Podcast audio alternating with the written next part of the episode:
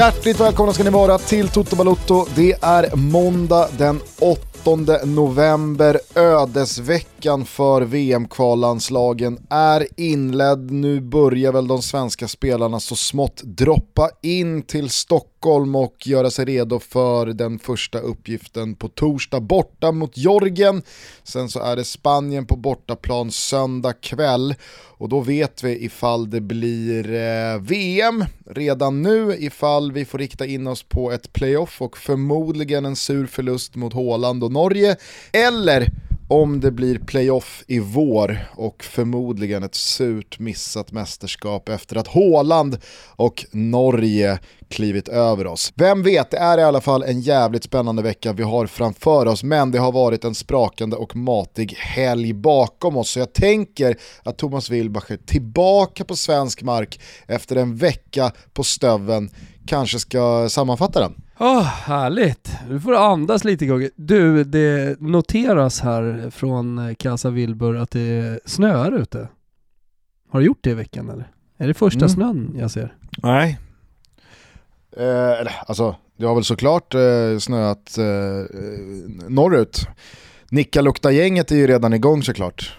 Vet du vad, vad är din skida? Min skida är ju miniskidan. Mäktiga miniskidan som man bara går upp på närmsta berg och åker ner för fullständigt livsfarligt. De här små plastlaggen du vet.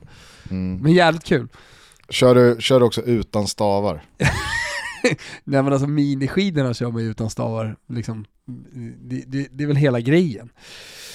Ah. Med miniskidor som man köpt typ på Teknikmagasinet eller närmsta järnhandel på 80-talet. Man beställde en katalog. Ja, jag vet, lite stökigt här på morgonen. Det är därför jag är ur fas och börjar snacka om eh, snön och sådär. Är inte riktigt inne i eh, avsnittet. Men eh, jag tog upp datorn ur mitt handbagage. Eh, och så liksom fällde jag upp den och bara Umberto Herrera! Vad fan är Umberto Herrera? Jag har ingen aning om vem fan Umberto Herrera är. Ja men det var stökigt när vi skulle flyga från Florens igår för att eh, eh, min dotter som är 12 och hennes polare, de var tydligen tvungna att ha green pass för, för att flyga ut ur landet. Okay. Jag trodde det bara var att komma in, men eh, de behövde även för att liksom lämna Italien. Ja, men så det var lite stressigt vi hade väl en kvart, alltså när vi var klara med incheckningen eh, och de hade gjort ett snabbtest som inte var ett snabbtest, utan det var patienza, calma, jo men vårt plan går om 20 minuter här. Alltså tog säkert en halvtimme och fick till, och rätt in i securityn och vi bara liksom röjde åt oss alla grejer. Och eh, det slår mig nu då att jag har röjt åt mig Umberto Herreras Mac.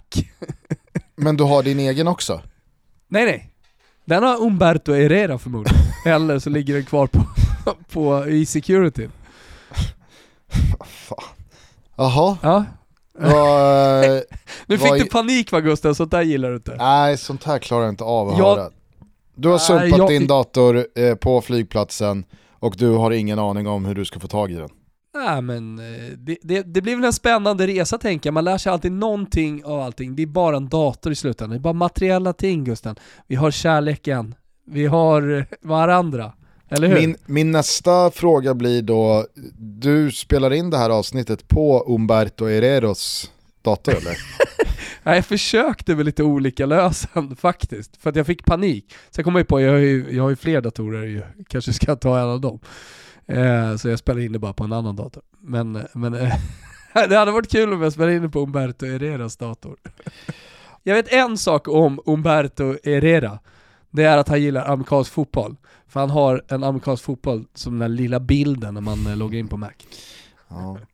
Kanske gör den här eh, datorförväxlingen då att eh, Umberto Herrera till slut eh, lär känna dig och börjar lyssna på vår podd och eh, hör då det svep som nu ska sammanfatta fotbollshelgen som varit. Eh, jag ska bara knäcka snabbt här eh, Gugge, en Celsius, eftersom det är en del av en varierad, aktiv och hälsosam livsstil. Jag och Kimpa Wirsén har börjat idag. Vi ska köra sex veckor, eh, liten resa här och komma i form till julen. Och då är ju eh, Celsius perfekt. Innehåller ju också en eh, vitaminblandning som bidrar till minskning av trötthet och utmattning. Och ett tips då till alla där ute, det är smaken Blood Orange. Den är söt, den är läcker, den har den här lilla ja, men citrusaktiga i sig. Man får en jävla massa energi av Celsius och det behöver jag nu för jag har 5000 tecken svepare Gugge. Är ni med? Yes! Ah, vissla Kimpa! Good morning! Arsenal. Ja, ah, det doftar rosor och kanelbullar, huden är len och avföringen är fast. Nej men visst, Arsenal har vunnit igen och vi kan faktiskt prata om kontinuitet. Watford kanske inte är någon kraftmätning av det värre slaget, men ändå. Nu har man inte förlorat sen City den 28 augusti och det finns faktiskt inte mycket att klaga på. Om detta är ihålande vet jag inget om, men Arsenal, ah, de är med. Med kan man väl inte direkt säga att Manchester United är efter 0-2 på Old Trafford mot City. Jag minns faktiskt inte vad de hade för målsättning, men efter snart en tredjedel av Premier League spelad är man alltså 9 poäng från Chelsea i toppen och alla fattar ju att det såklart inte blir någon titel. Frågan är vad det blir om det blir något annat än fiasko. Men i utvisningsbåset finns ju inga svar, så vi lämnar och traskar vidare till Spurs. 0-0 mot Everton, men Conte ler och jag tror att alla förstår att det behövs tid. Även om vi säkert kommer få se ljusglimtar av Contes framtida Spurs innan vi sätter tänderna i julkalkonen, så ska vi nog alla räkna med att det först och eh, det är absolut tidigast, får se ett riktigt Conte-lag framåt våren. Högst troligt i augusti nästa år. Chelsea sa vi va? Mm, just det, lite hack i den annars så välspelande skivan och bara kryss mot Burnley, men eh, de var inte ensamma. Även Liverpool snubblade och föll mot West Ham. Tecken på trötthet, tecken på något. Nej, det blir bra. Hörni, det är inte mycket snack om Graham Potter till Arsenal längre va? Bara notera det. Kryss mot Saudi-gänget från nordöst. Ett av flera kryss. Bielsa, ja han sitter säkert, tydliggjorde Andrea Radrizzani. Och Leeds kryssade mot Leicester. Mest glädjande från Premier League, eh, kanske inte helgen, men de senaste veckorna, är att min gubbe Rally Jiménez är tillbaka igen. Jag vet inte, jag kanske har nämnt det i svepet tidigare, det minns jag inte. Men han börjar i alla fall se ut som sitt gamla jag igen och det är ju superhärligt. Från stöven då? Jo, jag konstaterar att det är full kalabalik och att ränderna aldrig kommer gå ur italienarna. Domare hängs, Gidret är på topp och Juventus, ja de vinner igen. Finns lite att klaga på hörni, Serie A är pazza och den där härliga känslan inför varje omgång att precis allt kan hända, den dominerar. Det var en del derbyn i helgen och vi tar Serie A-bollen från dem. Ja, det var inget derby, men i alla fall känslor som ett derby i Turin, där Juventus tog en seger mot La Viola. Från den matchen vill jag inte prata speciellt mycket. Kolosevskis situation däremot i Juventus börjar bli ytterst problematisk och alla flyttrykten kanske till slut landar i just en flytt. Inte helt otänkbart redan i januari. Men, känn på det nya derbyt då. Il Derby di Lotito. Visst, hans båda klubbar Lazio och Salernitana drabbade samman. Eller ja, drabbade samman och drabbade samman. De spelade någon form av match och Lazio vann på tvåans växel med 3-0. Ni fattar. Solo in Italia bara i Italien. Derbykaraktär på stan och ibland på arenan kan man prata om vad det gäller nord-syd-mötet Napoli-Hellas. Det blev 1-1 och Napoli har nu 12 utan förlust. Det har även Milan. Visst, och jag läste på Opta att detta är djävularnas största poängskörd efter 12 omgångar sedan trepoängssystemet infördes. När infördes trepoängssystemet? Vad fan är det som händer? Är det quizmåndag? Gugge, är du med? När infördes trepoängssystemet din gamla galosch? Nåja, Spezia slog ett bedrövligt Toro som inte mäktade med ett skott på mål över 90 minuter trots alla nyckelspelare på planen. Ja, fullständigt overkligt. Och på tal om overkligt, ett framåtlutat, på pappret starkt Roma reste till Marco Polos gamla kvarter och torskade rätt ut. Har Mourinho käkat upp honungsmånen, den jävla glufsen? Nej, men det håller inte. Vad händer i Rom? Quizmåndag fortsätter tydligen. Och veckans schnitzel kommer här, Kurva Sod som ägnade hjältarna på sjukhusen sin koreografi. Och jag tycker hela världens vårdpersonal kan ta åt sig här. Jag tycker att den koreografin symboliserar så starkt mitt budskap kring supporterkulturen som vissa har försökt att förminska eller inte mäkta med att förstå, oavsett om det handlar om löst Twitterfolk eller löst raljant poddfolk. Förminska fan inte budskapet, kalla mig vad ni vill, men blanda inte ihop moral, etik med större sanningar och sammanhang. Titta på Kurva Sod. Försök få in det i era skallar och meditera Just det, meditera och skit på er lite grann. I Spanien gick Alexander Isak mållös från matchen mot Osasuna, men La Real vann igen och de skiner i toppen av La Liga. Med Real Madrid och Sevilla precis bakom sig. Marängerna, de löste en trea efter en ny kassa av fantastiska Benzema. Och Sevilla, de vann ett hett derby mot Betis. Vad hände där då Gugge? Frågorna haglar här. Barca då? Ah, men det blev 3-3 mot Celta efter kvittering i den femte tilläggsminuten. Men men, det är precis som med Spurs. Vi ska se detta som ett mellanår och även små positiva delar får bli anledning till glädje under säsongen 21-22.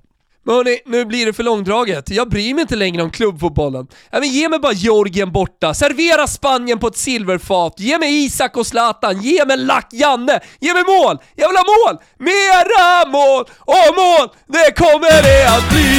Och bollen tar i stolpen! Nej men känner du inte det lite grann nu? Eh, att man bara vill stänga klubbfotbollen egentligen, ägna hela Toto Balotto den här måndagen åt eh, landslaget, åt förväntningar. Vi kan ju gå till VM! Det är ju det största. Jo, absolut. Å andra sidan så är det ju några dagar bort och det känns väl inte, i alla fall inte i min mage, som att någonting kommer avgöras på torsdag. Utan det här kommer ju bli en rysare eh, hela vägen fram till söndag. Eh, jag, jag är inte så naiv så att jag tror att Grekland knycker några pinnar av, av La Roja. Eh, Nej men du är ändå med på mina känslor här, att, eh, att det är en viktig vecka. Att eh, det, det, det är väldigt herregud. sällan man får uppleva de här fotbollsveckorna vad det gäller landslaget när det, inte, är- när det inte är mästerskap så att säga, när det inte är slutspel. Ja, I och med att jag vet att vi ryker eh, i en playoff-final mot Norge i vår så är det ju liksom... Ja, där vill det, vi inte hamna. det är ju hela nästa eh, fotbollsår ur ett landslagsmässigt perspektiv som, som står på spel här nu. Och vi alla vet att eh, 2023, då är det inget mästerskap utan det är eh, nästan tre år till eh, nästa EM. Vilket gör att, eh, ja men, här, här, den här VM-platsen är ju, den- gör så jävla mycket och det blir Zlatans sista dans och vi får det där mästerskapet med, med honom Eller? tillsammans med den yngre. Au. Det- måste det fan vara. Skit i det, vi har anledning att återkomma till, till landslagsfotbollen vad det lider. Det är som sagt några dagar kvar, eh, men jag delar ju din, din pepp, absolut. Det ska bli ruskigt eh, spännande eh, både på torsdag och på söndag. Och det, det är otroligt att det ska avgöras, men eh, jag sa det igår kväll också till, till Vicky att eh, jag, jag har svårt att släppa den där torsken i Aten. Alltså. Det, det skulle varit, nu skulle det varit matchboll släpp mot. Georgien. Ja, Ah, jag, får- jag får göra det. Jag får göra Släpp det. Eh, du ställde några frågor, eh, trepoängssystemet i fotboll, var inte det skarven typ 80-90-tal? Nej du. Ja, men det är det som är kul alltså, så man, man, man glömmer ju bort saker. Jag var ju, det är kanske, kanske enklare för mig att komma ihåg eftersom jag var med om det eh, lite äldre än vad du var. Det skiljer ju trots allt 10 år mellan oss. Även om man inte kan tro det. Eh, men eh, nej, det var 94-95. 94-95, ja. Ja, det var ju ett Känn par... på den eh, det var, ju ett, var det det var ett, omtumlande eller? Nja, det låter sent alltså. Ja. Ja, men, ja, Nej, alltså, det, är, det är Opta. Opta som Ja. eh, skriver detta. Jag fattar. Ja. Jag tycker det låter rimligt. Det var ju någonstans tror. där, det var ju någonstans där tidigt 90-tal, eh, man gjorde lite, man gjorde lite såna här regeländringar som eh, skiljer den fotboll man såg på VHS och kassettband när man var, när man var yngre, alltså från forntiden, till den som då var presens. Eh, Framförallt så togs ju hemåtspelet bort. Alltså att man kunde passa hem till egen målvakt som tog upp bollen med händerna. Det var ju, den regeländringen fick de fan till, det får man säga. Det är... Jag, jag har något så svagt minne av att eh, jag var förbannad på Malmö FF för att de ofta spelade hem till målvakten och målvakten tog upp den. För det var, det var ett ypperligt sätt att eh, eh, att döda tid på ju såklart. Ja, men jag förstår inte hur lag lyckades tappa tvåmålsledningar eh, till antingen oavgjort eller förlust med en sån möjlighet, med ett sånt kryphål att bara stå och skiffla bollen hem till egen målvakt som fick ta upp den med händerna. Fattar inte. Men men, eh, fan hur vi hamnade där alltså. Jo, det var ju, din, det var ju ditt quiz i svepet där. Ja det var mitt quiz i svepet, eh, skitsamma, jag läste något här när jag, när jag googlade lite på det om eh, just skarven mellan, eh, alltså att det infördes i Allsvenskan runt 90 Eh, men, men det kan ju vara så att det var senare i Italien, jag tänker inte göra någon större efterforskning. Jag läser bara på Optas tweet här. Eh, så eh, om ni ska hänga någon så får ni hänga Opta i så fall. Och ni, vi är denna vecka sponsrade av Revolution Race. Ni vet att det just nu är 15% på hela deras sortiment exklusive då andra erbjudanden.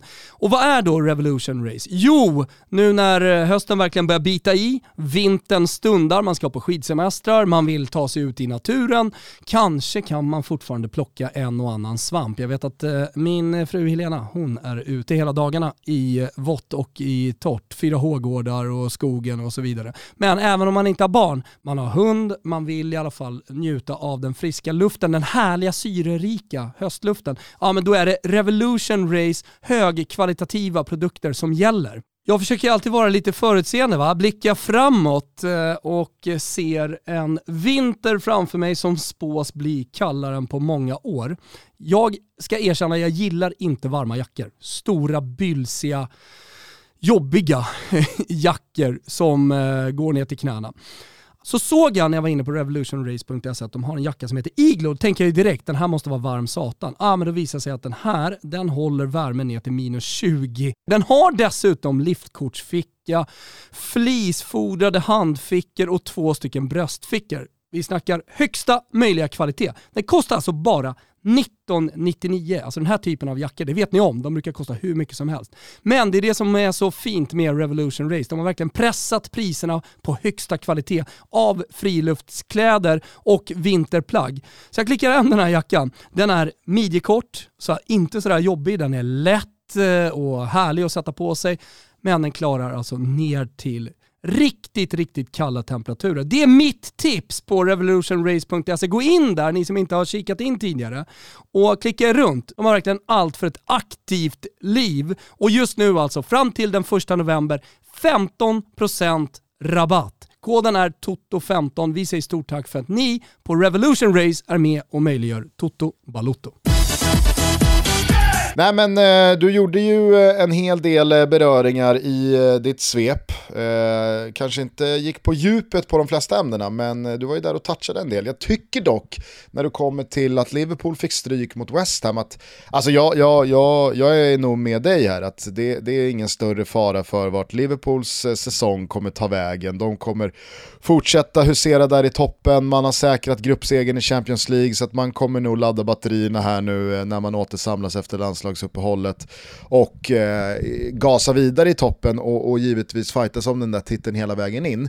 Men jag tycker att du, du bortser lite från det som jag i alla fall tycker är rubriken igår och det är ju att det finns fan inte många nu som kan stå kvar och mena att West Ham inte är på riktigt. Jag är ju, liksom, jag var, tror jag, bland de sista.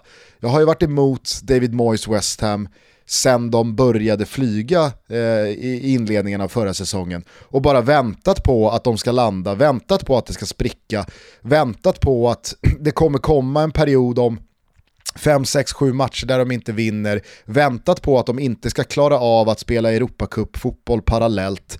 Alltså, jag har väntat på att någon spelare ska svalna för att eh, det ska bli ringa på vatten, väntat på att Declan Rice ska lämna. Alltså, men, men, men det, det, det är, jag vet inte varför jag vill få in tyvärr, för jag har liksom ingenting emot West Ham. Eh, men men, eh, men eh, jag, jag, får väl ändå säga det eftersom det ligger bra i munnen, det känns rätt. Det är nog tyvärr bara att inse att det, detta West Ham är på riktigt. Sen så tror inte jag att West Ham i detta nu håller på att bygga ett fundament som gör att de ska vara med i toppen eh, kommande 5-10 åren och slåss om ligatitlar och ta sig ut i Champions League. Men just det här West Ham, det Moyes och gänget har fått ihop här nu, det är ju ett slagkraftigt lag som, precis som Leicester säsongen 15-16 eh, och stundtals här och där sedan dess, på riktigt, fair and square, kan tävla med de absolut bästa lagen i Premier League och ja, men, slå dem med det de har att arbeta med. Mm, nej men alltså, jag tittar bara till den här laguppställningen som slår eh, eh Liverpool igår. Och det, du, du nämner Declan Rice, eh, Antonio, han har väl gjort många FBL-coacher eh, glada eh, det senaste året och sådär. Men, men annars är det ju ett på pappret ganska svagt lag kan jag tycka. Ja, men jag vet inte om jag håller med om att det är ett ganska svagt lag. För det ja, jag men tycker vadå? Det... Ogbonna och Kutsoma. Och, alltså, du vet, sätt dem i vilket lag som helst höll jag på att säga, med vilken annan tränare som helst, så, så, så är det, det är inte jättebra. Alltså Ogbonna är inte, är inte super. Nej, nu, nu visst, ska du lyfta ut Ogbonna så, så, så, så har du väl en ja, det är poäng. exakt vad jag gör. Men jag tycker att det här West Men vad är det för spelare spel... du vill liksom höja till, till, till skyarna här då i West Ham? Ja, men det jag skulle framförallt vilja höja till skyarna det är ju lite samma adelsmärke som just Leicester 15-16 där, att summan av delarna blir liksom större än alla enskilda individer var för sig. För att dels så tycker jag att man har lyckats hitta spelare som, helt ärligt, vill vara i West Ham och som jag tror känner att fan det här är den perfekta nivån för mig. Alltså i den, i den där backlinjen, liksom spelare som, ja men, och Bonna är väl, eh, även fast man kan ifrågasätta hans individuella kvaliteter, så är det ju definitivt en spelare som nog känner att högre än West Ham, nja, alltså man har ju sett honom inte hålla måttet i ett då ganska så svagt Juventus.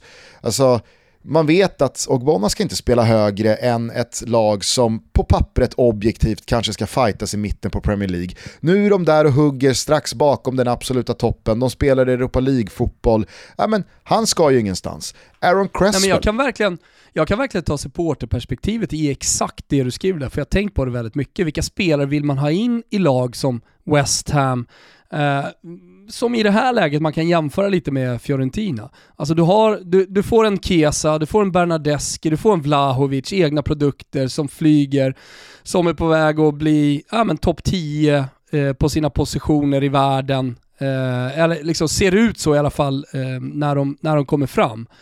Och så vet du att fan, de är för bra. Det, vi, vi, är för dåliga, klubben är för dålig, de kan inte behålla, de kan inte erbjuda samma pengar. Så de kommer ja, släppa, och jag hade en diskussion med några, några polare om det där. Alltså så här, vem ska man ta in som ersättare till Vlahovic? Ja, men så ta in någon 30-åring som garanterar mål. Ja. Alltså så här, så, som, som kan flyga hos oss. Som garanterar eh, att stanna kontraktet ut.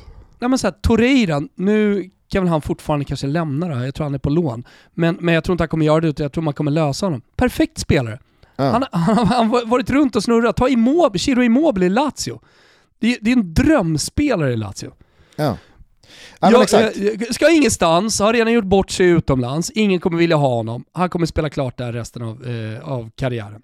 Det, där är ju Ogbonna verkligen. Jag vet inte om Pablo Fornals, alltså som jag gillar ja, men, jävligt mycket, men han är också den typen. Jag kan fortsätta eh, liksom en, en, en, bra stund till. Aaron Cresswell, alltså, liksom, habil, bra Premier League-back, men jag menar, kommer från Ipswich, eh, han vet att liksom, han har inte 15 år framför sig, han ska ingenstans. Fabianski mål, han har gjort sina säsonger i Arsenal och varit uppe och i toppen och varit med i Champions League-snurran, men han trivs nog ganska bra med att veta att jag står varje match här, jag möter Premier League-motstånd som jag mött i tio års tid, inga konstigheter, jag trivs bra här i London. Kurt Zuma från eh, liksom en alldeles för tuff mördande konkurrens i Chelsea som han aldrig kommer klara av att bryta sig igenom och bli en tränares första val över 35 starter i Premier League och vara med i Champions League utan han kommer på sin höjd vara en fjärde back i Chelsea. Något halvår här och där kanske han prickar formen och får lite tur, turliga skador på konkurrenter med sig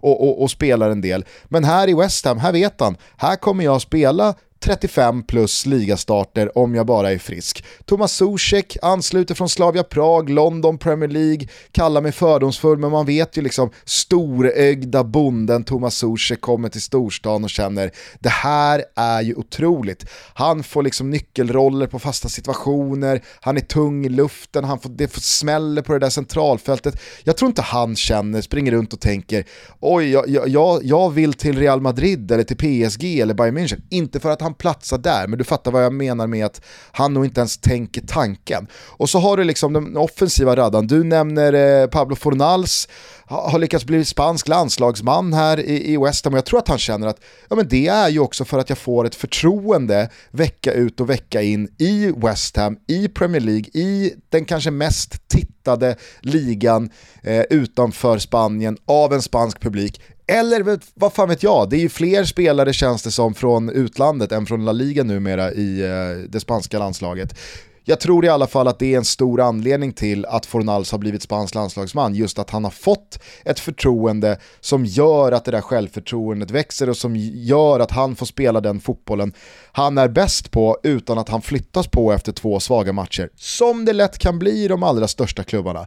Och så har man Ben Rama, Jared Bowen, spelare som kommer med lite samma profil från Championship, de har gjort det jättebra där, de lyfts upp till Premier League, kommer dit, känner att ah, här är jag inte bland de bästa än, men gnuggar jag hårt, då fan, då, det, det, det, kommer komma, för här har jag möjligheter att faktiskt bli en ordinarie riktigt bra Premier League-spelare. Och tids nog så händer Och så har man Michael Antonio längst fram som, jag menar det, det är ju verkligen en ful ankunge som har blivit en svan. Det, man behöver inte backa speciellt många år eller säsonger för att det skulle kännas helt otänkbart att Michael Antonio skulle spetsa ett topplag i Premier League som ensam anfallare. Eh, utan jag, så, jag såg en, liksom en, en, en, en, ett fysiskt praktexemplar med lite för dålig koordination och lite för svajiga fysiska förutsättningar för att liksom klara av det, det, det, det hårda tempo. Och, och, alltså, ja, men det, det, det räcker inte med att vara bäst i, i, i Premier League på fystester, men han har ju överbevisat alla. Alltså herregud, det, det är helt otroligt. Och så, så tror jag att man, man på det inte ska underskatta heller att David Moyes har liksom ända sedan han fick lämna Manchester United med svansen mellan benen och åka ner och prata någon märklig korsning eh, av, av, försök till spanska och skotska och ja, men, komma tillbaka. Och, alltså, jag tror att David Moyes driv vid sidlinjen att faktiskt återupprätta sin heder från decenniet i Everton. Det är också en stor anledning till att ingen liksom slår sig för bröstet efter tre månader av segrar och bra form. Ja, du för menar West, liksom hans hunger på vendetta, det, det... Ah, ja. Den, den, den eh, speglar sig i laget och deras insatser. Nej men jag kan inte tänka mig något annat för att annars så hade jag sett, tror jag, för det här har man ju sett många gånger, liksom halv, halvmediokra lag på pappret som springer bra två, tre, fyra månader men som sen dippar just för att de kanske blir lite för nöjda, de har klarat kontraktet ganska tidigt, ja, men, man, man har bara en viss utmätt tid i sig eh, innan det börjar vända, men kanske framförallt att bra spelare över ett bra halvår eller en bra hel säsong lämnar och att man då får börja om med nya förutsättningar. Men här har man fått ihop det på ett sätt som, jag, menar, jag tycker det är så jävla tydligt att de här spelarna är inte nöjda för de vet att vi kan slå Liverpool, vi kan slå Arsenal, vi kan slå Tottenham. Alltså, vi, vi behöver inte nöja oss med att vara best of the rest här eller tävla med Everton eh, och Aston Villa om att vara sjua. Utan vi kan faktiskt gå hela vägen eh, in i det där gardet och klustret av klubbar och börja slåss om Champions League. Och jag tycker att West Ham tar steg för steg på ett sånt jävla imponerande tröskande sätt. Liksom. Och som sagt, som jag inledde med, Declan Rice är ju den enda spelaren i alla fall i min kalkyl som har en utstakad liksom, nästa anhalt i sin karriär. För han kommer, tror jag verkligen, inte bli kvar i West Ham speciellt länge. Men fan vet alltså när men, de men fortsätter... Han, men, ursäkta att jag avbryter här, men ja, det, är, är, är, är, är, det inte precis... Nej men, nej det är du van med. Men vad har han, ska han inte bara stanna i West Ham då? Vad har han eh, för intresse så att säga? Vilka klubbar vill ha Declan Rice? Framförallt så har det ju pratats väldigt mycket Manchester United och det är ju en klubb som verkligen är i behov av en Declan Rice-typ. Eh, alltså en central eh, mittfältare, lite box-to-box, han eh, klarar av defensiven. Du vet vad du får han, liksom. Men han kan skjuta framåt, han kan lossa stora kanonen utanför. Det är ju en, liksom, framförallt så är det ju en ledartyp. Det, det, är, det är en spelare som, en klubb som Manchester United skulle kunna bygga ett mittfält kring kommande 5, 8, 10 åren. Och sådana spelare växer Kanske exakt den spelaren de har saknat. Ja men exakt, de, de, de harvar ofta, ju på... Ofta går man ju till de, de offensiva spelarna och eh, kreatörerna på planen. Eh, och det är så jävla lätt som eh, fo fotbollssupporter att, att eh, Nej men äh, att, att hitta problem i en hackande offensiv till exempel. Men vad det gäller Manchester United så behöver väl de eh, trygghet, stabilitet och kontinuitet på något sätt. Och, och Declan Rice står för precis allt det. Ja, och alltså, när, när han kom fram och med Mourinhos lovord och med känslan av att han verkligen saknade så trodde ju nog jag och många andra att Scott McTominay skulle bli både bättre och viktigare för Manchester United än vad han har blivit. Han har ju spelat sina matcher absolut, men McTominay har ju inte alls blivit någon hörnpelare i Manchester United oavsett vem som tränat dem. Och jag skulle kunna landa i att Declan Rice är ju en på alla sätt bättre version av Scott McTominay. Alltså en spelare som på ett väldigt brittiskt sätt i första rummet gör jobbet, tar smällarna, är en pådrivare, är en ledare, är en spelare som lyfter ett helt lag. Och den egenskapen är ju jävligt, jävligt värdefull, i synnerhet i, i Premier League och i England och den skattas ju otroligt högt. Men som sagt, alltså jag, jag, jag, jag vet inte om, om eh, Liverpool eller Manchester City eller Chelsea är beredda att spränga banken för Declan Rice. För det ska man komma ihåg, han är 22 bast och han är engelsman, han är given i landslaget. Det kostar, vad fan kostar Aaron Maguire eh, upp mot miljarden så kan jag tänka mig att Declan Rice, eh, det, det, det, han, han är inte billigare.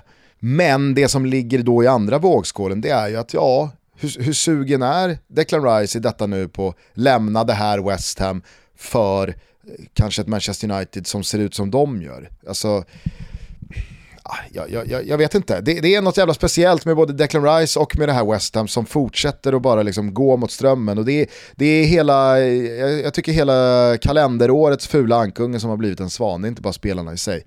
Nej men fint så. Eh, mm. West Ham-hyllningen på sin plats, som inte kom i svepet.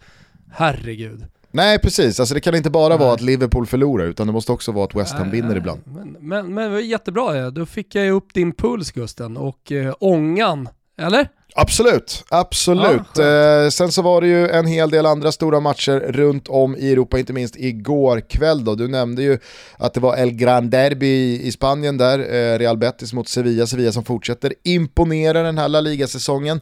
De har ju lyckats strula till det för sig i Champions League, fortsatt eh, jättemöjligheter till avancemang såklart. Men Mm. Ja, kanske. Jag vet inte. Jag tror att Sevilla till slut löser ändå. För att så som de ser ut stundtals så är ju det ett mycket, mycket bättre fotbollslag än både Lille, i synnerhet Wolfsburg och Salzburg. Ja. Så att liksom, Sevilla ska ju lösa det där. Och jag tycker att de... Du kan ta sex poäng här nu menar Ja, och jag tycker att de i La Liga-spelet också har visat att de kommer vara med och, och, och återigen inte bara gå för Champions League-platsen utan faktiskt kanske vara med och bråka om en ligatitel. Jag tror inte att Atletico Madrid tar lika många poäng som i fjol, Barcelona kommer definitivt inte göra det, Real Madrid känns givetvis som laget att slå, men att Real Sociedad är, är med där uppe, ja, det är såklart inte oförtjänt, men det kommer ju inte vara en, en, en konkurrent det kommer ju inte vara en konkurrent i toppen som Sevilla räds Så att, eh, jag vet inte, någonting säger mig att Sevilla kommer, eh, Se Se Sevilla har, har, bättre möjligheter på, på ligatiteln den här säsongen än, än vad man har på sjukt länge.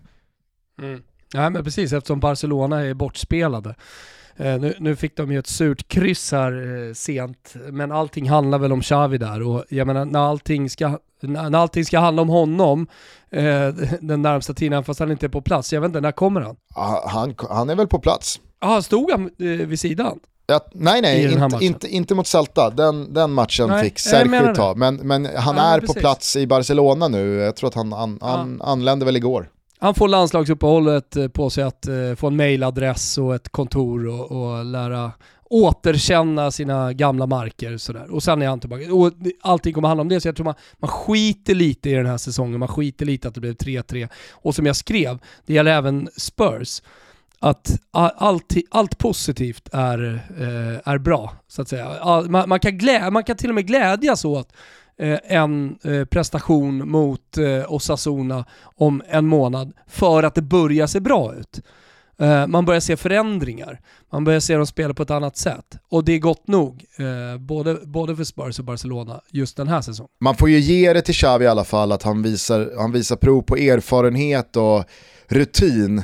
Att han kliver in exakt den dag han väljer att kliva in. Alltså, han sätter kråkan på pappret så pass tight in på den där Celta Vigo-matchen att den givetvis inte har någonting med honom att göra. Men han maximerar det här landslagsbreaket innan det är dags för hans första match in charge om två veckor. Alltså de där små, små detaljerna är jag svag för. Om man nu ska byta tränare, jag hatar klubbar som gör det fyra dagar in i landslagsuppehållet. Nej men eh, eh, så, så, är det. Alltså bra timing, eh, rutin och det kommer väl bli bra. Alltså allting annat vore väl konstigt. Alltså, på något, sätt, på något sätt så behöver ju också Barcelona en symbol som står längst fram här nu. En oh. symbol för det gamla, en symbol för det som är Barcelona. Mm. Och eh, då spelar inte resultat speciellt stor roll, utan det, det är Xavi som står där. Eh, han, kan få ganska lång tid på sig. Det jag tror... Ett januarifönster, jag vet inte om, kan Barcelona göra någonting under januarifönstret? Nej, det är inte mycket. I alla fall, de, ja, men de, de kanske kan eh, förbereda sig inför eh, en sommar. Ja. Eh, för för de, de, de borde kunna sälja och köpa för de pengar de säljer för. Så att jag menar så de kan börja eh, lä lägga pusslet liksom inför sommaren i januari. Ja. Och där tror jag att Xavi har ganska mycket att säga till om. Absolut, eh, och, och, och, som du är inne på, alltså, kan, kan man kränga någon för lite större pengar, ja men då finns det ju manöverutrymme, men utöver det så, så är, det ju, så är det ju väldigt eh, strama tyglar. Eh, det, det jag bara skulle vilja flika in när du säger att ja, men man, kan, man kan skita lite i den här säsongen och det är inte nu eh, det är viktigt och det, ingenting kommer landa på Xavi.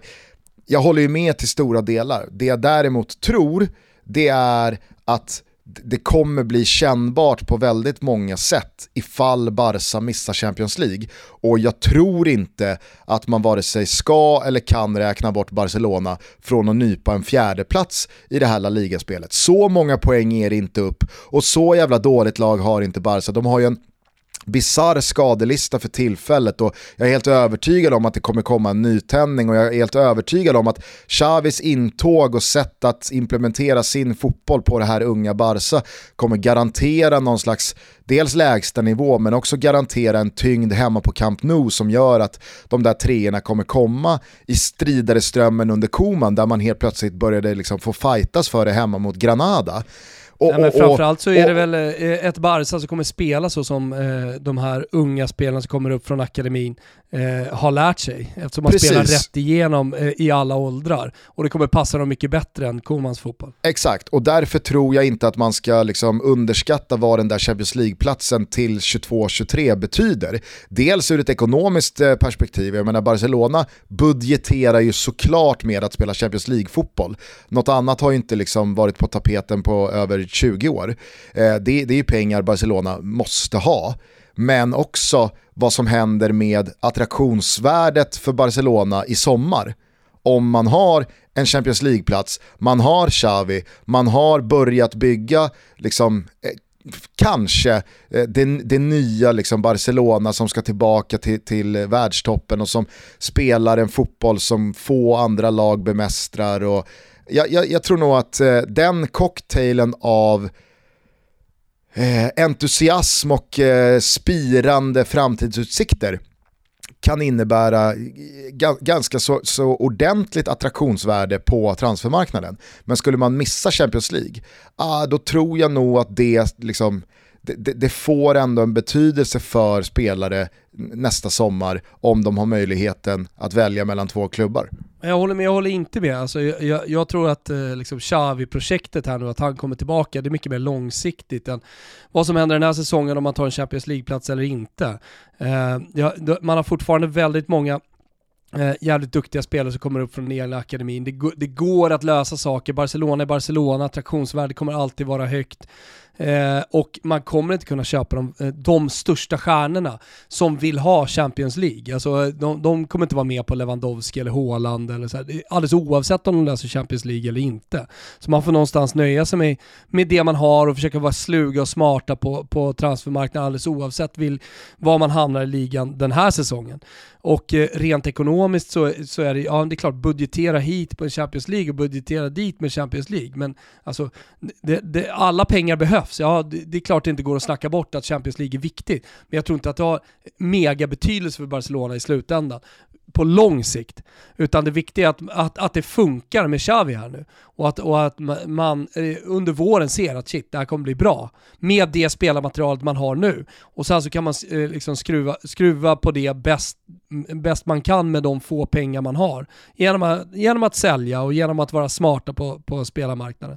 Så kommer nog Barca tillbaka eh, nästa säsong. Ja, ja absolut. Med men eller menar... utan Champions League. Men problemet nu är ju att det, alltså, de de slåss mot, eh, för jag tror inte de har en suck på Real Madrid, alltså där ska man inte ens eh, eh, snacka. Utan, och Atletico Madrid, ja, visst, det är inte jättemånga poäng, men det är fortfarande sju poäng upp. Eh, de blir också svåra och det är de man ska slå, för Real Sociedad är nog borta, det är 11 poäng. Alltså de har redan flugit iväg, det är 10 poäng upp till Sevilla, eventuellt då att man skulle ta dem. Men jag tror att det är, jag tror, jag tror lite kört liksom med Champions League. Ah, ja, ja, alltså det är 26 omgångar kvar att spela för Barcelona och vi pratar alltså Jo men Xavi är fortfarande ny, så här, han, han, tar över ett, ett Barcelona i spillror, en klubb i spillror, ett lag i spillror. Ett lag eh, liksom utan en Messi, utan spelare som bara löser matcherna åt dem. Det är klart att ja. det kan ta, tid, ta lite tid för Xavi, han har, och ska man ta den där Champions League-platsen så finns det ingen tid. Det finns ingen tid. Nej, det finns liksom jag... ingen, inget, inget utrymme att förlora poäng.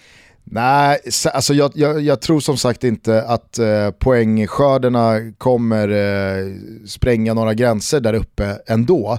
Jag ser, eh, jag, jag, ser ganska låga scorer för både ligatitel och Champions League-spel den här säsongen. Just för att lagen där uppe, i alla fall flera av dem, inte är speciellt rustade för att slåss på, på två fronter över 8-9 månader. Vilket att, inte Barcelona är heller. Nej, visst, men säg att Barcelona bränner avancemanget i Champions League eh, och eh, ma man eh, bara kan fokusera på, på ligan, eller i alla fall prioritera ligan jag tror att man kommer göra det ändå. Jag tror att löser man ett, ett eh, avancemang i Champions League så ryker man alldeles oavsett Xavi eller inte i en åttondelsfinal mot någon av de största elefanterna eh, över två matcher i åttondelsfinalen i februari ändå. Så att, jag vet inte, jag, jag, jo, men, jag Nej, tror i alla fall... Ja, det, jag, jag, vet inte, jag tror snarare liksom att, så här, eh, att uh, över 90 minuter med Xavi vid sidan så, så uh, finns det betydligt större chanser liksom att lösa uh, ett hemma-borta-möte i en åttondelsfinal mot ett bra topplag i, i Europa i Champions League än vad det finns att hålla på och gneta ikapp 11 pinnar på Real Sociedad i ligan. Jo men nu pratar ju du Real Sociedad en ligatitel. Eller pratar du Real Sociedad, Nej. att Real, de, de är... Nej, men det är de fyra lagen som är där uppe. Alltså ja. visst, eh, alltså Atletico Madrid 7, det är väl de som är närm eller det är de som är närmast. Men, men eh, det är sju poäng på Atletico Madrid.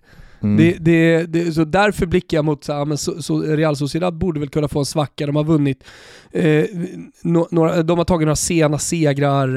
Eh, Sevilla ser jättebra ut som du säger, men de skulle också kunna ha en svacka. Men jag ser en, alltså Real Madrid kommer inte tappa eh, 10 poäng på Barcelona från nu in.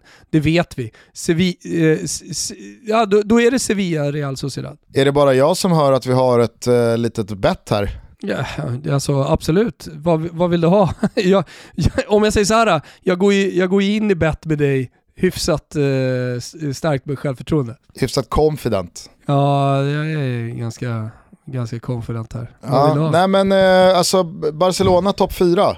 Ja, visst. Ja. Eh, li, vad, lilla, lilla skaldjursplatån på Hofen. Absolut, absolut. Gärna. Kan bli en fin sittning där i maj. Ja, ja men eh, i slutet på maj där, eh, när vi går mot sommar, en mästerskapsfri sommar, eh, då blir det sittning, så får vi se vem som betalar. Barcelona är utanför säger jag, du säger att de är innanför. Mm, precis. Jag... Men, men, jag säger också, märk väl, jag säger också att det spelar ingen roll. Spelar, spelar ingen, roll. ingen roll. På lång sikt för Barcelona spelar ingen roll om man tar Ja, nej okej. Okay. Ja, nej, men det, det, det, är väl en, det är väl en bra... Det, Viktigt det, att konstatera. Ja, absolut. Det, det, det är ett bra, det är ett bra perspektiv som jag tycker ändå har sin plats här. Nu börjar de gå mot sitt slut. Vi har ju firat 25 år i Sverige tillsammans med K-Rauta de senaste veckorna. Och eh, idag skulle jag vilja slå ett litet slag för bad och bastu. Ja, men vad passar inte bättre nu när det blir lite kallare än att gå all in och satsa på en bastu? K-Rauta har precis allting. Och Dessutom har de 20% på Harvia produkter. Vi pratar om varor och tillbehör för att få både den snyggaste, men också viktigt här hörni, den varmaste bastun. Gå in på K-Rauta, ta hjälp av deras projektplanering om ni ska bygga er en bastu. Det är högklassig service vi pratar om och du kommer, jag lovar er, du kommer att bli supernöjd. Vi säger för sista gången då under de här jubileumsveckorna, grattis K-Rauta till 25 år i Sverige. Hoppas att det blir 25 år till. Och inte bara 25 år, fortsätt i all oändlighet! Stort grattis K-Rauta!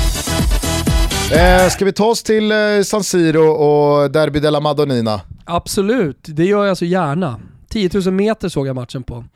Ja. Mäktiga Lufthansa löste wifi. Otroligt. Nej, det var, vilken jävla första halvlek det var. Ja den var otrolig.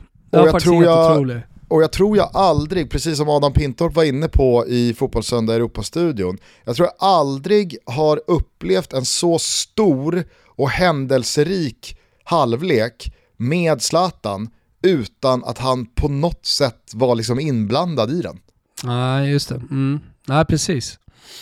Han, han växte in i den här matchen och, och, och, Ja, jo kanske. Men det, ja, men nu, det, är, ju, alltså, det, det är ju ibland det, eh, Champions League-matcher som kanske har, har blivit lite låsta. Men, men, men att det händer så otroligt mycket på en, en fotbollsplan i ett Milano-derby med Zlatan som given huvudrollsinnehavare och så är han fullständigt osynlig en hel halvlek. Det, ja, det, det, var oväntat. Sen så växer han ju in i den här matchen och sista kvarten så är det ju Milan som går för segern och det är runt Zlatan väldigt mycket händer. Eh, men eh, jag, jag, tycker någonstans ändå att eh, den här matchen eh, förtjänade att, att eh, sluta oavgjord. Eh, tycker inget lag, eh, vare sig över 90 minuter var bättre än det andra eh, eller att något lag eh, ja, men, förtjänar att förlora. Nej, precis. Ja, men sen, sen, finns det ju alltid något, något så mäktigt att ta med sig tror jag. Dels som supporter och dels som lag. Alltså, det är nog viktigt också att ta med sig. Att man gör en slutforcering. Jag håller med dig om att eh, 1-1, eh, det, det speglar nog matchbilden över 90 minuter. Men eh, när Milan går för segern där sista kvarten och har stolpe från Sälemäkers och ja, men, framförallt ett tryck och ett Inter som inte får bort bollen. Det blir nästan desperation i deras försök att, att skicka iväg den. Eh, och Milan bara liksom tar upp den och pumpar på, pumpar på, pumpar på. Alltså det tycker jag säger någonting om eh, hur långt Milan har kommit under Pioli och med, med Maldini återigen. Alltså att man i ett derby sista kvarten trycker på för, för att vinna. Det är de som ligger där uppe i toppen. Jag vet att ni pratade om det och Svanemar och Vicky var inne på det under sin kommentering också. Uh, att det kändes lite, dels på något byte där, eh, men, men, men också på hur Milan agerade, som att de var nöjda. Uh, och då var det som att det jinxade det, de garvade lite åt det själva också. Uh, då, då, kom Milan. Precis det blev signalen på att Milan gjorde en slutforcering för att vinna.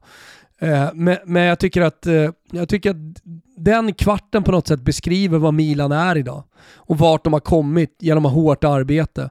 Och genom, genom bra beslut också. Man har tagit bra beslut på spelarmarknaden, man har tagit ett bra tränarbeslut och man har jobbat hårt. Och de har tagit sig hela vägen till att man, man har blivit tunga. Och det är liksom det man har saknat med Milan i ett decennium. Visst, de har gjort bra matcher, de kan ha gjort en helt okej okay säsong här och där, men de, nu är de tunga. Och det, det är ju så man minns Milan, Berlusconi-Milan. Alltså blytunga som bara liksom, dels kan, det, det är också sett dem göra nämligen eh, under det senaste året.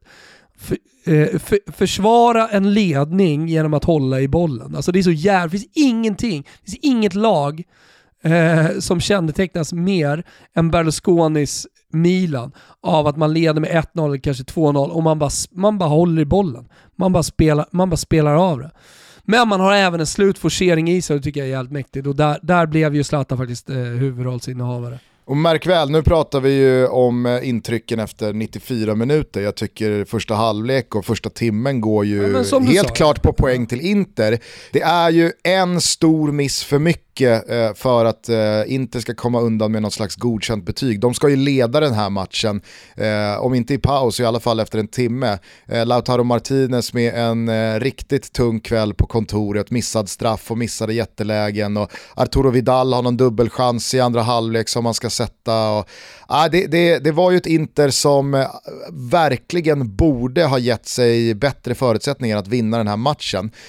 Tatarosanos straffräddning ska ju dock inget annat än att hyllas göra. Alltså vilken jävla straffräddning det är. Och jag, jag, jag tycker att eh, det, det, det fanns så många sådana här liksom individuella, enskilda eh, prestationer som var värda att lyfta. Men jag tycker att Inter, ja, men... har, ju, Inter har ju spelare som kliver fram i den här matchen eh, på ett lite oväntat sätt och, och, liksom visar tyngd. Jag tycker att Darmian är otrolig, jag tycker Bastoni gör en jättebra match. Eh, Barella, det var väl inte speciellt oväntat att han klev fram och visade grinta och, och en jävla arbetsinsats. Men Nej, det, det, det, var, det, var, det var ett härligt Milano-derby på alla sätt och vis, men kanske framförallt med ja, men att eh, publiken var tillbaka på läktarna och som du eh, var inne på eh, hyllade eh, de som har eh, offrat allt för att rädda Italien under den här pandemin. Och, nej, det, var, det var ett jävla fint budskap, nu minns jag inte ordagrant, men det var väl liksom ja, men självklart för oss att eh,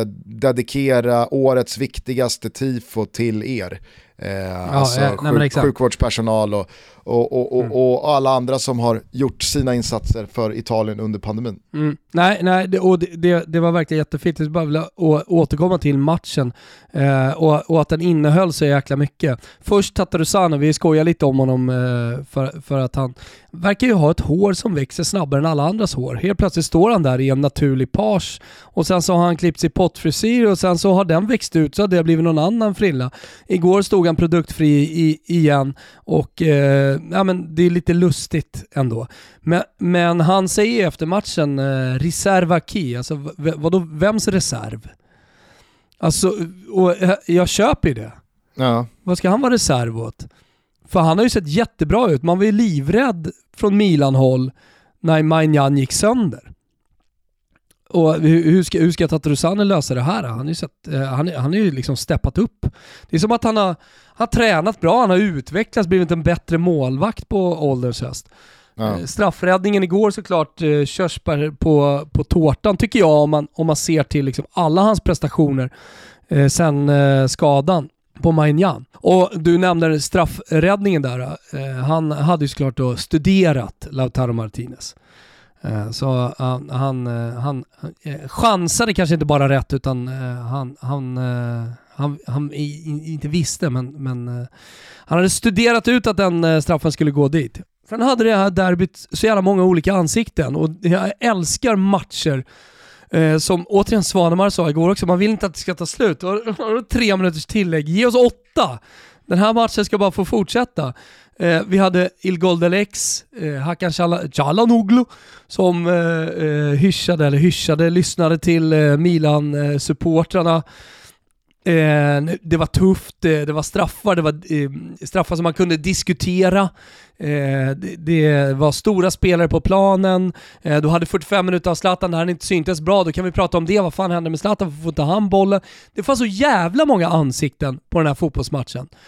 Så det, det, det är som att, det, det, det är som att eh, de här stora matcherna, derbyna, finalerna, eh, mellan de här stora lagen. De blir som en renässansfresk, alltså man ska titta på den i fyra timmar, minst, innan man, är, in, in, innan man kan gå därifrån. Man kan ja. se om och se om och se om den här matchen. För det finns så väldigt mycket vackert och det finns detaljer i, i allt det här som man kanske missar av bara farten och som man måste äh, återuppleva sen igen. Så var derbyt igår. Det var, det var en renässansfräsk. Ja, fint sagt. Jag eh, tyckte också var, jag, jag, hade inte hört honom eh, eller tillskansat mig att han sagt det, men eh, bra sagt av Tatarosano där också. Jag gillar ju när, när målvakter liksom så här, vad, vadå, vadå reserv? Alltså, jag har väntat på min chans, nu har jag fått den, jag har tagit den, alltså, jag, jag är inte här bara för att liksom... Nej men han säger, han säger bland annat så här, jag har jobbat jag, för ja. de här stunderna och de här matcherna. Det är därför jag är Exakt, målvakt. och det är, inte, det, är inte, det är inte självklart i hans huvud att han ska lämna över första spalen till Menjan igen när han är tillbaka efter skada, utan nu ska ju han visa Pioli och, och övriga att alltså, ni, ni behöver inte byta tillbaka till Menjan. Här står jag. Eller Manjan. Ja. Man noterar otrolig, otroliga skillnader på, på uttalet här. Ditt franska och mitt italienska. Ja, nej men fa, jag, jag, hade, jag hade en kort, eh, kort liten konversation med redaktör Johanna Garå om det där igår, för att då hade en eh, högprofilerad sportjournalist i den här eh, branschen hört av sig och, och, i all välmening utgår jag ifrån eh, ja, Simon Bank. velat påpeka att det är då Frank Kessier och inte Frank Kessie. Och ja. då, då, då, känn, då alltså, all, alla som lyssnar på den här podden vet ju vart jag står i den här frågan, att vi kan liksom inte in absurdum söka eh, lokala uttal från där spelarna kommer ifrån geografiskt ja, runt om vi, vi, i, i världen. Vi kan följa vissa regler eh, beroende på var man kommer ifrån och vilket språk de pratar i det landet. Vad det gäller Kessie eh, så kommer man från ett fransktalande land och man uttalar alltid sista stavelsen Eh, på franska. Om det inte är något undantag, så man kan alltid utgå ifrån det. Så det finns ingen anledning att säga Kessi när han heter Kessier, för att det är det som är den enkla regeln. Precis som man på italienska uttalar eh, tredje stavelsen. Där blir ah, det men... fel ibland från, från, från Svanemar eh, för att han uttalar tredje stavelsen och just i det namnet så gör man inte det utan apostrof. Men, men vad, vad det gäller Frank Kessie så, så, så, så är, ju den eh, liksom grundregeln väldigt tydlig och då är det klart man ska följa den om man jobbar i media. Nu gör inte ja, jag det så jag kan säga fast... vad fan jag vill. Eh, I, I just Kessis fall så är det väl att den där apostrofen över e har fallit bort. Och då... Fast eh... du, behöver ingen, du behöver ingen apostrof på franska. Jo, jo, jo. Alltså i... Det är klart i... du behöver, du är alltid ut, du är alltid alltid i grundregeln att du ut, om det inte finns en apostrof någon annanstans, så, ut, så, så, så, så, så är det på sista stavelsen. Nej, ja, eh, fast i, i det här fallet, i, e blir ju i om det inte är någon apostrof på e på franska. Så att utan apostrof över e så är ju kesi liksom språkligt då korrekt. Men med apostrofen på e så ska det såklart vara Kessier. Men den har ju fallit bort så det är inte konstigt att folk har fått det där om bakfoten. Oavsett vad så har det ju här blivit något slags eh, Martin Skertel-fall då. Att det, det, har liksom, det har satt sig Fast har det blivit lång... det? Om jag igår mitt i sändningen hade bytt till Kessier så, då, då, ah, hade, då. då hade men, jag men, ju hamnat i liksom en egen del av bassängen, så att säga. Men du säger Martin, Skertel, eh, fast du menar Kevin De Bruyne egentligen. För att eh, Skertel var ju bara Husfeldts egna lilla eh, polska låda, väl? Nej, nej, han är väl slovak, men eh, det var väl det första exemplet på att någon som gjort... Som gjort liksom uttalsjobbet, ah. som Husfeldt alltid gör, och det har han ju gästat Absolut. vår podd och, och, berättat om att han alltid strävar efter att komma så nära det ja, korrekta det som möjligt. Där. Nej, nej, jag menar bara att eh, eh, Skertel eh, blev ju det första, upplever jag i alla fall, den här liksom, oj, efter åtta år av att en hel fotbollsvärld, i alla fall hela fotbollssverige, sagt Martin Skertel, så dök Husfeldt upp med ett nytt sätt att uttala det. Och det var ju verkligen att liksom så här, nu går jag mot strömmen. Sen så har ju det funnits fler sådana namn sen dess också bland annat då Kevin De Bruyne Jag- eller Kevin De Det Bruyne. jag menar är att Sk- Martin Skertel, eh, det satte sig aldrig utan folk säger fortfarande Skertel. Eh, Kevin De Bruyne har ju verkligen satt sig. Där sa alla Kevin De Bruyne och sen så blev det Kevin De Bruyne. Ja fast alla säger ju inte De Bruyne. Vissa har liksom, eh, vissa har svängt ut. Jag kör fortfarande De. Bruyne. Problemet är att han heter inte Bröne, liksom Kevin De Bruyne med Ö, utan han heter ju nå nå liksom, nå Kevin De Bruyne, Bruyne. Alltså det, det, jag, jag har hört han säga det själv, det finns ju ingen svensk som uttalar det så som han uttalar det. Så, så det, det, det är det som kanske är lite problemet då. När, när, det gäller, när det gäller vissa av de där spelarna. Skitsamma, nu hamnar vi här ändå. Vad, Ja, var, det, vad och- var poängen här? Min poäng var eh, eftersom Att det var du... Simon Bank? Nej, nej, nej, verkligen inte. Utan, eh, visst Simon Bank. vi, vi hamnade i det här eh, med då Menjan, att vi uttalade det på lite olika sätt och så Ja, tog jag upp det här för att du i samma eh, veva när du pratade om den här renässansfresken pratade, jag vet inte, du gjorde någonting med rösten när du då sa Çalhanoğlu. eh, lite lite liksom turkiskt. Och då, det lärde ju du och jag oss av vår gode vän Ekim Çağlar här eh, för eh, ett knappt år sedan inför Tutski Balutski. Att eh, G då eh, i de här turkiska namnen blir stumt. Eh, och, och då är det så här, ja, det är ju då turkiskt korrekt, men, men jag kan ju inte liksom, jag, jag, jag känner inte att jag kan skifta till då att köra, när alla andra säger Chalanoglu, så ska jag mitt i det köra Chalanoglu. Chalanoglu. Det går, det går liksom inte. Jag kan, Nej jag men kan alltså inte då behöver man ju det. vara ett språkligt geni om man rattar fotbollssöndag i Europa och kastar sig mellan franska, spanska, turkiska spelare, slovakiska, polska, ryska eh, och eh, ja, till och med usbekiska eftersom eh, Shomorodov spelade igår. Finns det ju något uttal där också? Mm. Ja, nej men, alltså, Nej men det går för- ju inte. Det går För inte. den, som Man får hitta någon slags för grundregler. den som kollade på hela fotbollssöndag Europa igår, det är såklart kanske, det, jag, jag utgår inte från att någon tänkte på det, men jag tänkte på att mitt uttal av Çalhanoğlu gick från att jag inledde med Çalhanoğlu till att suc- successivt gå tillbaka till Çalhanoğlu Svenne, för att jag känner att jag, jag, jag bottnar inte där. Jag kan inte sitta här mellan Adam, Astrid och Vicky och säga Çalhanoğlu. Det går inte. Går inte. Då blir du Robban Pärlskog 20, 24 i, i eh, Portugal. Ja, ja men eh, alltså, Fint exempel på Där vill jag i alla kommentator som fall- tar det på allvar. ja ja absolut. Men, men jag, jag sa det liksom till Johanna då igår när Simon hade hört av sig. Så här, ja, det är väl klart att liksom, Nu blev Han det, har ju- nu blev han det inte en kollega längre utan nu, nu blev du Simon. ja, När Simon ja, hade hört du, av sig. du har ju redan outat honom. Men, men är så här, Jag gissar, jag vet inte, jag har inte hört det, jag gissar bara. han har såklart rätt. Men, men, men det blir någonstans fel ändå att byta till ett uttal som går så tvärt emot strömmen. Att det var Simon, att det var Simon Bank som hade hört av sig till Johanna Garoa, det hade jag kunnat satt hus och hem på. Ja, så är det väl. Eh, hörru du, eh, om det inte är någon annan match från den internationella scenen du skulle vilja prata om innan vi stänger ner så har jag bara en, en, en gulasch och en schnitzel hemifrån allsvenskan att dela ut. Jaha, nej men eh, jag är idel i, i örat här va, Gugge. Ja, men jag tycker att eh, en liten schnitzel ska gå till eh, Malmö FFs målvakt Johan Dahlin som efter segern på Gamla Ullevi igår mot Göteborg eh, valde att tona ner den där bärsen han fick kastad i nacken.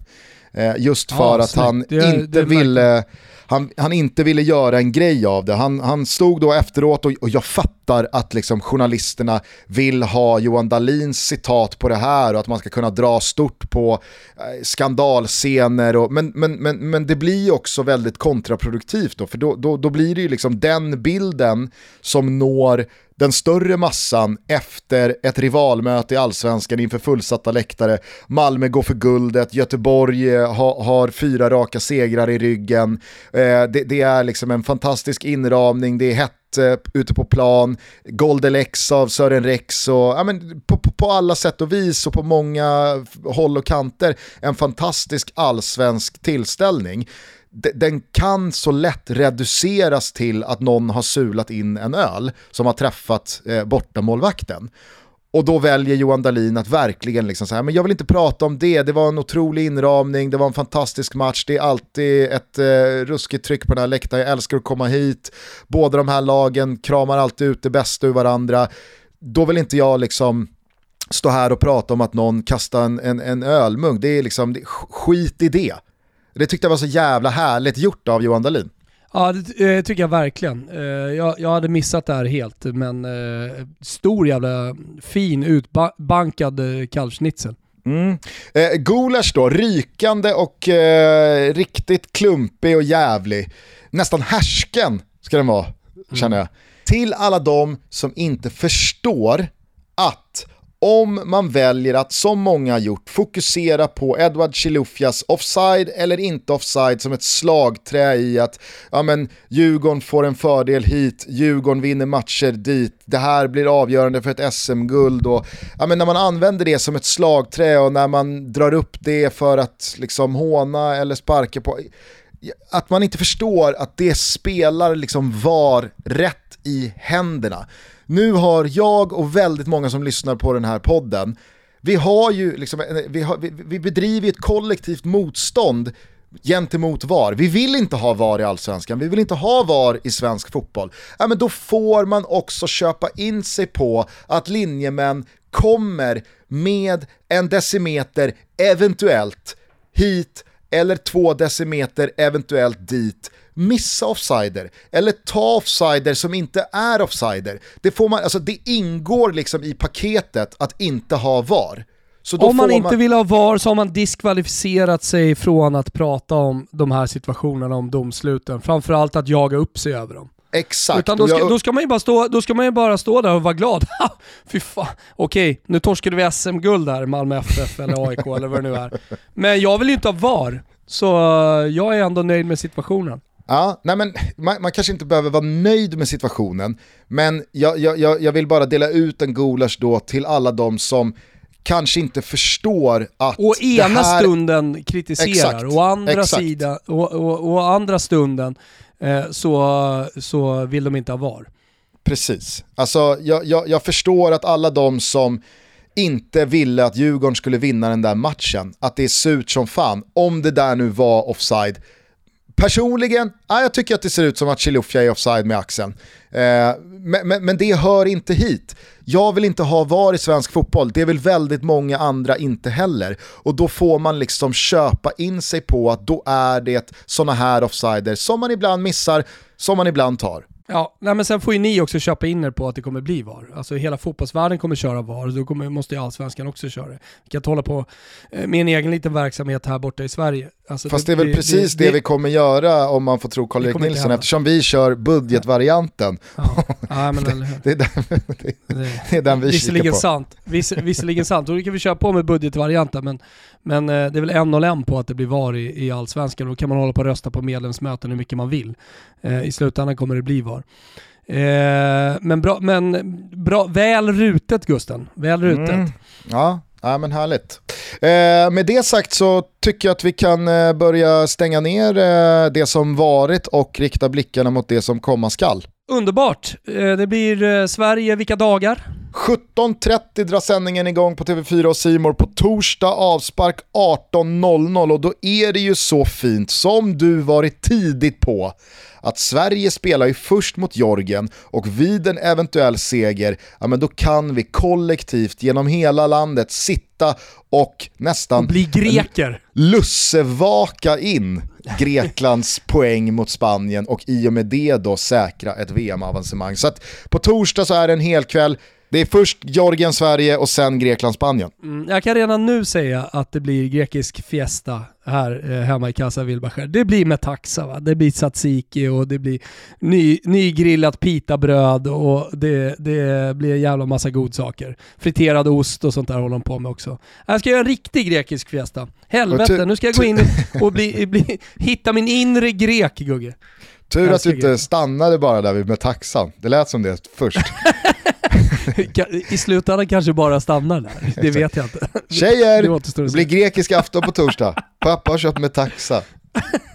så ät vad fan ni vill, pappa ska dricka med, med taxa. Ja. ja. Nej, och sen så är det då ja, Spanien-Sverige på söndag, men de förutsättningarna kan ju såklart då skifta utifrån hur mm. det går på torsdag. Så vi börjar med torsdagen, Slagge tillbaka, är vi överens om att vi gärna ser Zlatan inleda på bänken mot Georgien och så får, ja, liksom, så, så, så, får det yngre gardet lösa det där Ja, Kanske ska vi inte ens skicka på Zlatan. Jo, han kanske vill ha en kvart i benen bara. Ja, men jag tror det. Jag tror det. Har han ändå åkt till Georgien så liksom, måste han ju spela lite. Så att, eh, en kvart, 20-30 max eh, på Zlatan.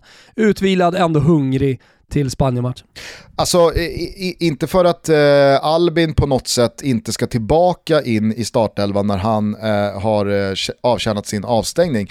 Men eh, man när ju ändå en förhoppning att Mattias Svanberg som kommer i gott slag här nu efter 1 plus 1 borta mot Samp igår i Bolognas eh, vinst. Jättefin insats ja, men att han får chansen nu mot Jorgen. Det kan ju bli Jens Kajuste eller hur nu Janne har tänkt. Eh, men också om han nu skulle få den, att han också tar den känner vilken, vilken stekhet jävla mittfältare han har i Svanberg. För han har varit bra att ta nu. Och eh, ja, alltså i helgen var, var han till och med gåshud Gustav. Ja, absolut. Sen så finns det väl någonting i det där klassiska tvåmanna inne mittfältet i ett landslag. Att det, det, det, är en balans som ska prioriteras, att man har bränt sig en del gånger med med Svanberg och Kristoffer Olsson eh, som då får klä skott för att det kanske saknas då en trygghet i en Gustav Svensson typ eller Jens Kajuste eller... Nej. De skriver “Stad Diventando XL”. Ja, jag ser Han håller på att bli XL. Ja, Han håller på att bli XL. Roligt. Ja, nej men och det, jag, jag tycker det i en kommentar till ett, eh, till ett betyg i en tidning så mm. tycker jag att det är lite genialiskt eh, på ett sätt. För det är precis det han håller på att bli. Alltså han, ja. håller, på, han håller på att bli på riktigt. En stor jävla mittfältare och det måste Janne kunna se. Nu håller det här avsnittet också på att bli Excel så att eh, det, ja. är, det är läge att uh, runda av. Tack för att ni lyssnar på Toto Balutto. Vi hörs igen på fredag. Vi avvaktar givetvis VM-kval torsdagen innan vi hörs igen. Så ha en eh, underbar vecka fram till dess. Vi älskar er. Ciao tutti. Ciao tutti. On the 2 to 4 7 and 3 to 6 5. Parties get live. See the sick chick, the slick dive. Yes, I've perfected. Stylist, club detective. Jump up in the mingling circus. Mad, hectic, electric. Life, the all night and colored light. Right, I'm on in your sight and shine bright. Proper attire, far from time to retire. Keep it live while you try, you reach higher. I buy a drink, maybe two for situation. Sounds lit the nation, but now we in the placement. Penthouse to basement, from floor to ceiling. Partying all night long upon the feeling. Dealing strictly with vibes and trying to lift me. Roof off the mother bright lights in big city. Don't forget the parties never gonna end. The all night deal, kids, so tell your friends. Oh,